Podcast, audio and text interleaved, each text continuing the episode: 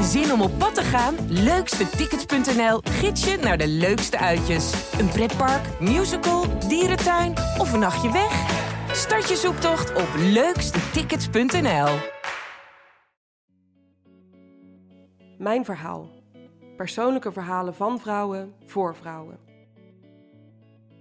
Marianne's man vertelde uit het niets dat hij een SOA had en bekende dat hij vreemd ging met mannen. Zij dacht dat het een eenmalig slippertje was, maar het bleek uiteindelijk tien jaar lang gespeeld te hebben. Er waren absoluut geen dingen zo dat je denkt, oh, ik kijk wel naar mannen. Of hij is, eh, nee, nooit, nooit, nooit, nooit.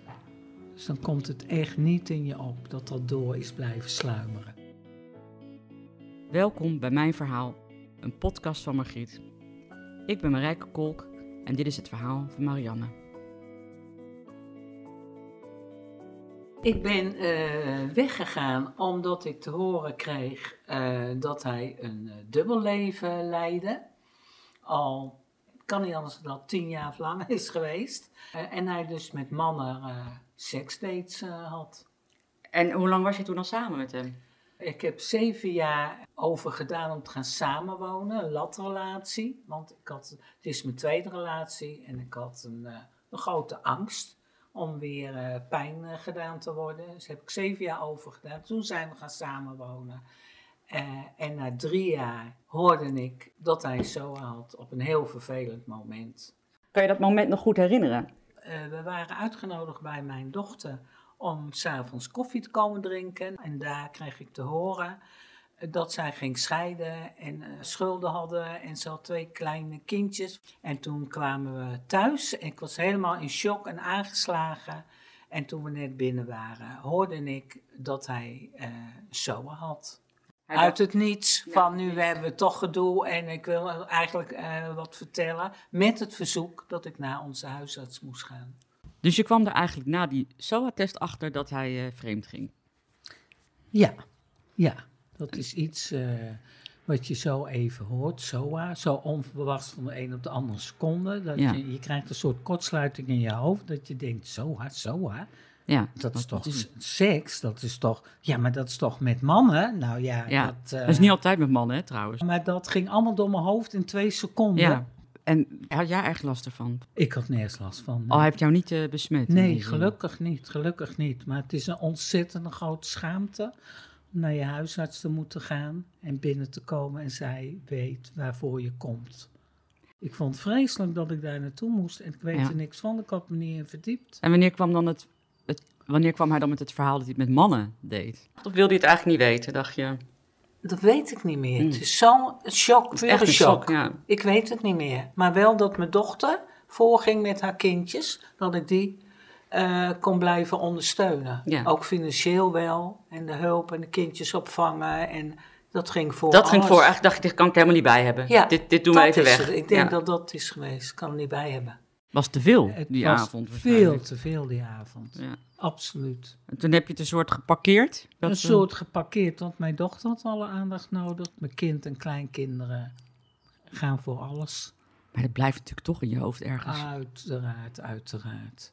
En ik achteraf, ik denk dat ik zo in shock ben gaan leven. Hij was ook ziek, hij had de PTSS, hij was psychisch ziek. eh, dit kwam erbij, een dochter in de pro. Nou, ik kan je zeggen. Dat Te veel. Ja, want hij, was, eh, eh, hij werkte bij de politie, hè? dus Ja. hij was, die PTSS had hij daar opgelopen. Dus dat kwam ook nog erbij. Hij kreeg alle aandacht. Ik ging naar achter. En als vrouw heb je de neiging om te gaan helpen. Als je partner ziek is, dan moet je er voor hem zijn. En En- dit kwam er dan even bij. Pas veel later komt de ernst daarvan van... Ja, maar verdorie, dit is niet niks. Nee, en wat doet het met jou ook? hè? Ja, maar dat kwam allemaal later, veel later. Maar jij hebt wel op een gegeven moment gezegd, je moet gaan uitzoeken of je, dat was op- op die avond heb ik dat of je homoseksueel bent. Ja. Ja, op die bewuste avond Ja. van die SOA heb ik gezegd: Ben jij dan eh, homo? Nou, als je het bent, zeg het gewoon. En zoek een leuke vriend en word gelukkig. Ja. Dat wens ik je toe. Want Ja. ieder mens mag zijn wie die is, natuurlijk. Dus dat heb ik wel eh, heb ik aangegeven. Wees daar eerlijk in. Ja, en wees er eerlijk. Maar ehm, ja, eh, ik, heb niet, ik ben later niet op door. Want hij was altijd thuis, namelijk. Albei gingen we naar ons werk. Hij ging nooit weg. En alle dingen die we deden, deden we samen. Dus er was gewoon geen seconde dat ik hem zou missen van... hé, hey, waar is die?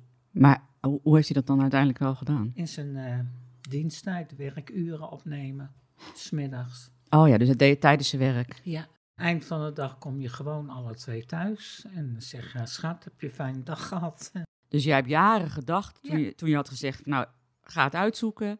Maar ook een beetje kop in het zand, want ik ga er niet meer over beginnen. Hij is het aan het uitzoeken, en, of niet? Ja, dat, dat zou ik, zo kan je het benoemen. Ja. Maar in het leven wat we leiden, ja, ik, als ik daar weer aan terugdenk hoe dat ging, nee, dacht, ja, heb ik toch het gevoel gehad. Ik zou niet weten hoe, Ja. nooit meer opmerkingen, nooit aan gedrag, nooit, nooit, nooit. Dus ik denk, ja, dat, dat is een foutje geweest, wat hij vertelt en toegeeft. En we gaan verder.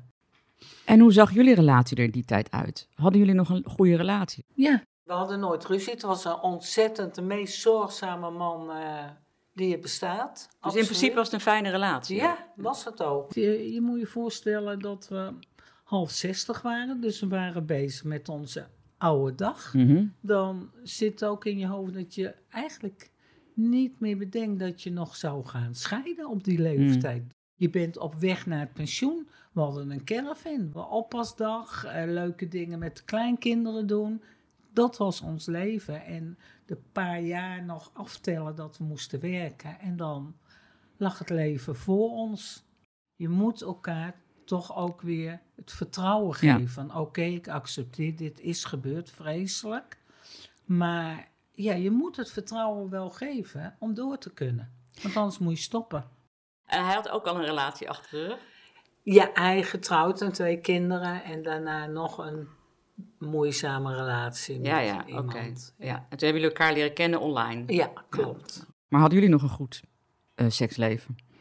Dat was, eh, dat was wel niet heftig. Hm. Maar ja, of dat nou, eh, wat ik net al zeg, aan leeftijd, ja. Ja. Maar niet dat je denkt van, hé, hey, Nee, dat wil hij nooit meer. Nee. Of eh, dat eh, hij is afwijzend. Of dat dat een link is om te denken van, is er wat aan de hand? Absoluut Nee, niet. nee. Je hebt hem er niet meer mee geconfronteerd. Jij dacht, dit was eenmalig. Een aantal jaar later kwam je erachter dat hij nog steeds mannen zag. Hoe kwam je daar dan achter? Het is begonnen dat hij ja, verschijnselen kreeg van PTSS en psychisch in de war raakte. En eh, om PTSS vast te stellen stond een groot onderzoek vanuit de politie. Een week daarvoor zei hij, ehm, ik moet iets zeggen. En er was één zin, ik heb me niet aan onze afspraken gehouden. En toen viel alles op zijn plek. Ik hoefde daar geen, bijna geen vraag meer over te stellen. En hij bedoelde, ik ben er weer doorgegaan. En dat bleek dan terugrekenend zes jaar te zijn. Nee, maar ik ben mannen blijven zien, was de boodschap eigenlijk. Ja, dat was de boodschap. Ja. En, en ja, dan was direct duidelijk dat ik stopte met de relatie en weg zou gaan. Dat heb ik volgens mij ook gezegd. Dan is het bij deze voorbij en ga ik niet meer met jou verder. Maar je laat al iemand achter die psychisch ziek is. En Ja. dat is steeds maar weer een dilemma geweest. Ik kwam er niet achteraf goed toe om aan mezelf te je denken. had eigenlijk heel veel medelijden ook met hem. Zeker, absoluut. Ja. Het was puur overleven en Ja. ik stond, ik was in shock, het was een rollercoaster en ik stond stijf van de adrenaline in het overleven, in niet weten hoe mijn leven ging worden, nou in alles.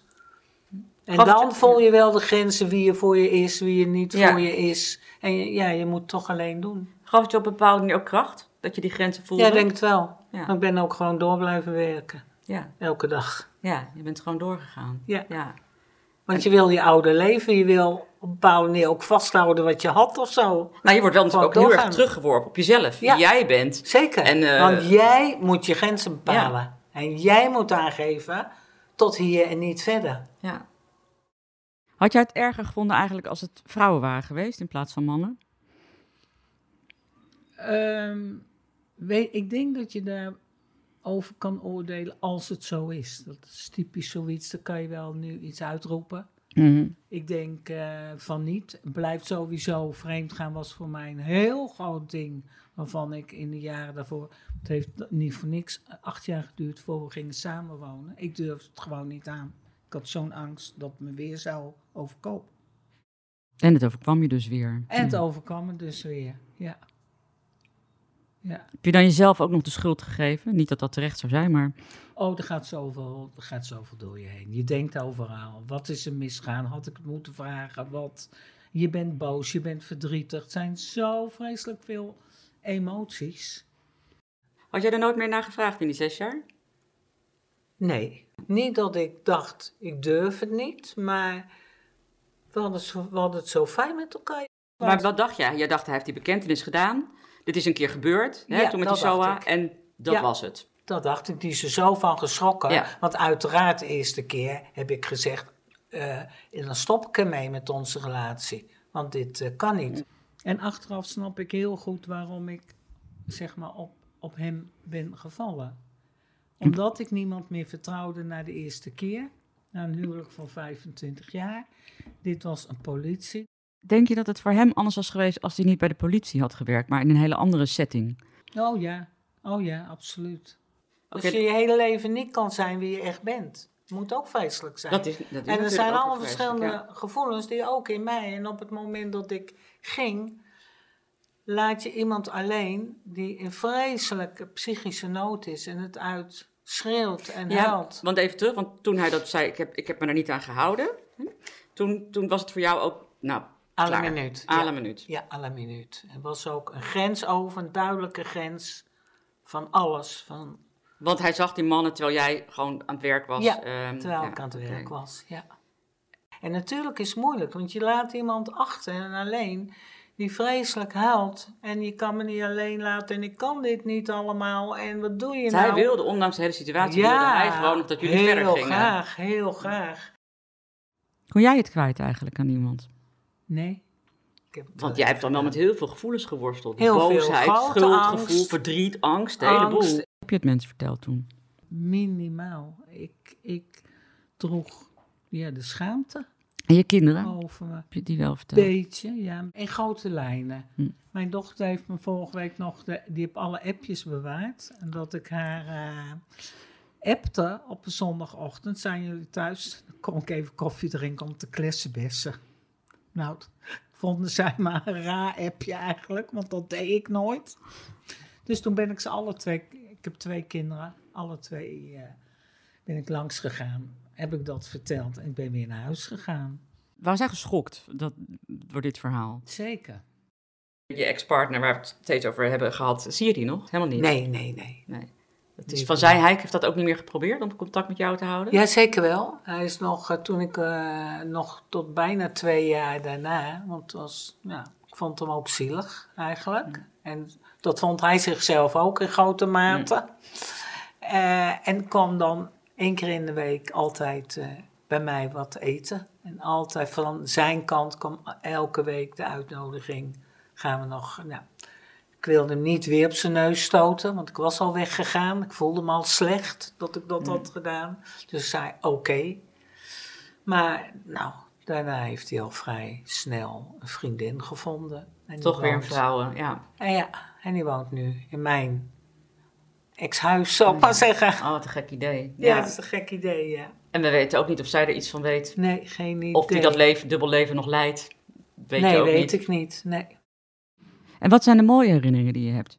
Maar we hadden een caravan. Eh nou ja, gingen we mee weg en, eh, en naar het buitenland. En eh, daar ben je maanden in het jaar mee bezig. Dat soort dingen. En dat was ook heel leuk. En er waren absoluut geen dingen zodat je denkt, oh, ik kijk wel naar mannen. Of hij is, nee, nooit, nooit, nooit, nooit. Dus dan komt het echt niet in je op dat dat door is blijven sluimeren. En denk je dat als hij het inderdaad bij de eerste keer had gelaten... en het was verder niet gebeurd, dat jullie relatie wel een kans had gehad? Ja, Wel. ja. Dan had je het wel kunnen vergeven, zeg maar. Ja, daardoor, daar, daarop ben ik al verder gegaan toen. Hm. Je moet vertrouwen geven om verder te kunnen gaan. Ik vertrouwde hem. Uitspraak gedaan, belofte gedaan. Als het zo is, word gelukkig en zoek een leuke vriend. Als hij daar niet in verder gaat en we zijn altijd samen, we leven rustig verder. Ja. Is er een, een les die je voor jezelf hebt geleerd? voor mijn gevoel ben ik gewoon mezelf. Die ik altijd was in mijn optimisme en, en vrolijkheid. En ik ben nooit zagrijnig of nooit. Ik kan absoluut niet tegen negativiteit of negatieve mensen. Dus daar ben ik, wil ik niet in meegezogen. Zo ben ik ook niet. Dus volgens mij mijn echte karaktereigenschappen, in de, de, mijn kerneigenschappen, ja, heb ik nog. Ja, dus je hebt vanuit jezelf gewoon wel een soort kracht en een... En Het een... oorkracht, zo Ja. kan je denk ik noemen. Overlevingskracht, oorkracht, wat toch heeft gewonnen uiteindelijk. We zitten hier te praten in jouw huis, hè? En dat is in een, in een woonzorgcomplex, zeg ik Ja. het zo goed? Ja, wooncentrum. Ja, en je bent eh 68, dus op zich. Ja. En nog heel vitaal, best eh, fit, ja. Ehm, dus best bijzonder, maar dat heb je heel bewust gedaan. Dan gaf je ook heel veel veiligheid na die onveilige Ja, periode. absoluut, eigenlijk. absoluut. Kun je Ja. daar iets over vertellen, hoe dat is om, om, om, om zo te wonen nu voor jou? Oh, dat is heel erg prettig. Eh, ik moet je zeggen, het is een heel groot gebouw. Ik woon helemaal aan de zijkant. Ik vond het vreselijk. Ik, ik benoemde het voor mezelf als bejaardencentrum. En ik dacht, ik ga nooit iemand vertellen dat ik daar woon. En er mag nooit iemand in mijn huis komen. Nou, dat is inmiddels al lang achterhaald. En nu, het is toch een soort community waar ik woon. Waar het gros van de mensen alleen woont. Dus je bent ook niet iemand tussen gezinnen waar je opeens alleen woont. Dat, dat valt allemaal weg. Ja. Ja, dan geef je ook kracht met elkaar. Ja. En je vertelde dat je net nog chance had van een man in de lift. maar daar moet je nog steeds niet aan denken, hè? Zou je ook meteen erachteraan. Nee, nee, nee. Nee. Dat, eh, Dat is klaar. is klaar. Ja, is dat echt... eh, Ja, dat is echt klaar. Ik heb een muur eh, van mijn hart gezet en eh, die gaat niet meer om. Ik wil niet meer gekwetst worden. Nee. Ik heb wel mm, contact, ik heb museumvrienden. Dat zijn één vrouw en twee mannen. Dan ga ik mee naar een museum en maken we leuke dingen, doen we. Hapje eten en dan gaan we weer naar huis. Maar en dat heb ik nu eh, twee jaar al gedaan of zo. Maar die mannen weten niet eens waar ik woon. En die komen al helemaal niet in mijn huis. nee. Dus blijkbaar is het nog niet helemaal verwerkt. Daar kan ik niet over oordelen. Je bent af en toe nog wel boos, Ja, toch? Dat, Ja. dat is, dan zijn nog wel emoties die nog wel af en Ja. toe bij jou naar boven komen. ja, Dat zeker. kan ik me ook voorstellen. Ja, zeker. Maar daar wil ik niet, blijf ik niet in hangen Nee, of nee, nee, nee, nee. Ik eh, kijk als ik s'avonds op mijn bankje zit Ja. en ik leef zoals ik wil, dan Ja. kan ik het ontzettend naar mijn zin hebben. Het is nu en- even lastig in de coronatijd, maar Nee, maar ik zie het ook hier. Je, je hebt een hartstikke leuk appartement. Je, je kent de mensen die hier in, de, in, het, eh, in het gebouw wonen. Praat je hier en daar, je voelt je veilig. Want het is gewoon allemaal eh, beschermd ook. ja. Dus wat dat betreft heb je het, heb je het goed gedaan. Ja, ja, daar ben ik blij. En Ja. waar ik woon en waar ik, ja, daar ben ik blij mee. Zou je nog iets willen zeggen tegen vrouwen die misschien ook in zo'n situatie zitten als waar jij in hebt gezeten? Nou, ik heb één ding geleerd: om nooit te oordelen over andere relaties, andere vrouwen in die situaties. Ik praat makkelijk en, en was ook best wel een beetje leidend in onze relatie. En ik had nooit, nooit, nooit kunnen denken dat ik bang zou zijn. Ik zal er nooit over oordelen, want het kan ieder mens overkomen dat je daarin belandt. Dit was Mijn Verhaal, een podcast van Margriet. We vinden het leuk als je op onze podcast abonneert of een reactie achterlaat. Wil je meer inspirerende verhalen horen? Ga dan naar margriet.nl slash podcast.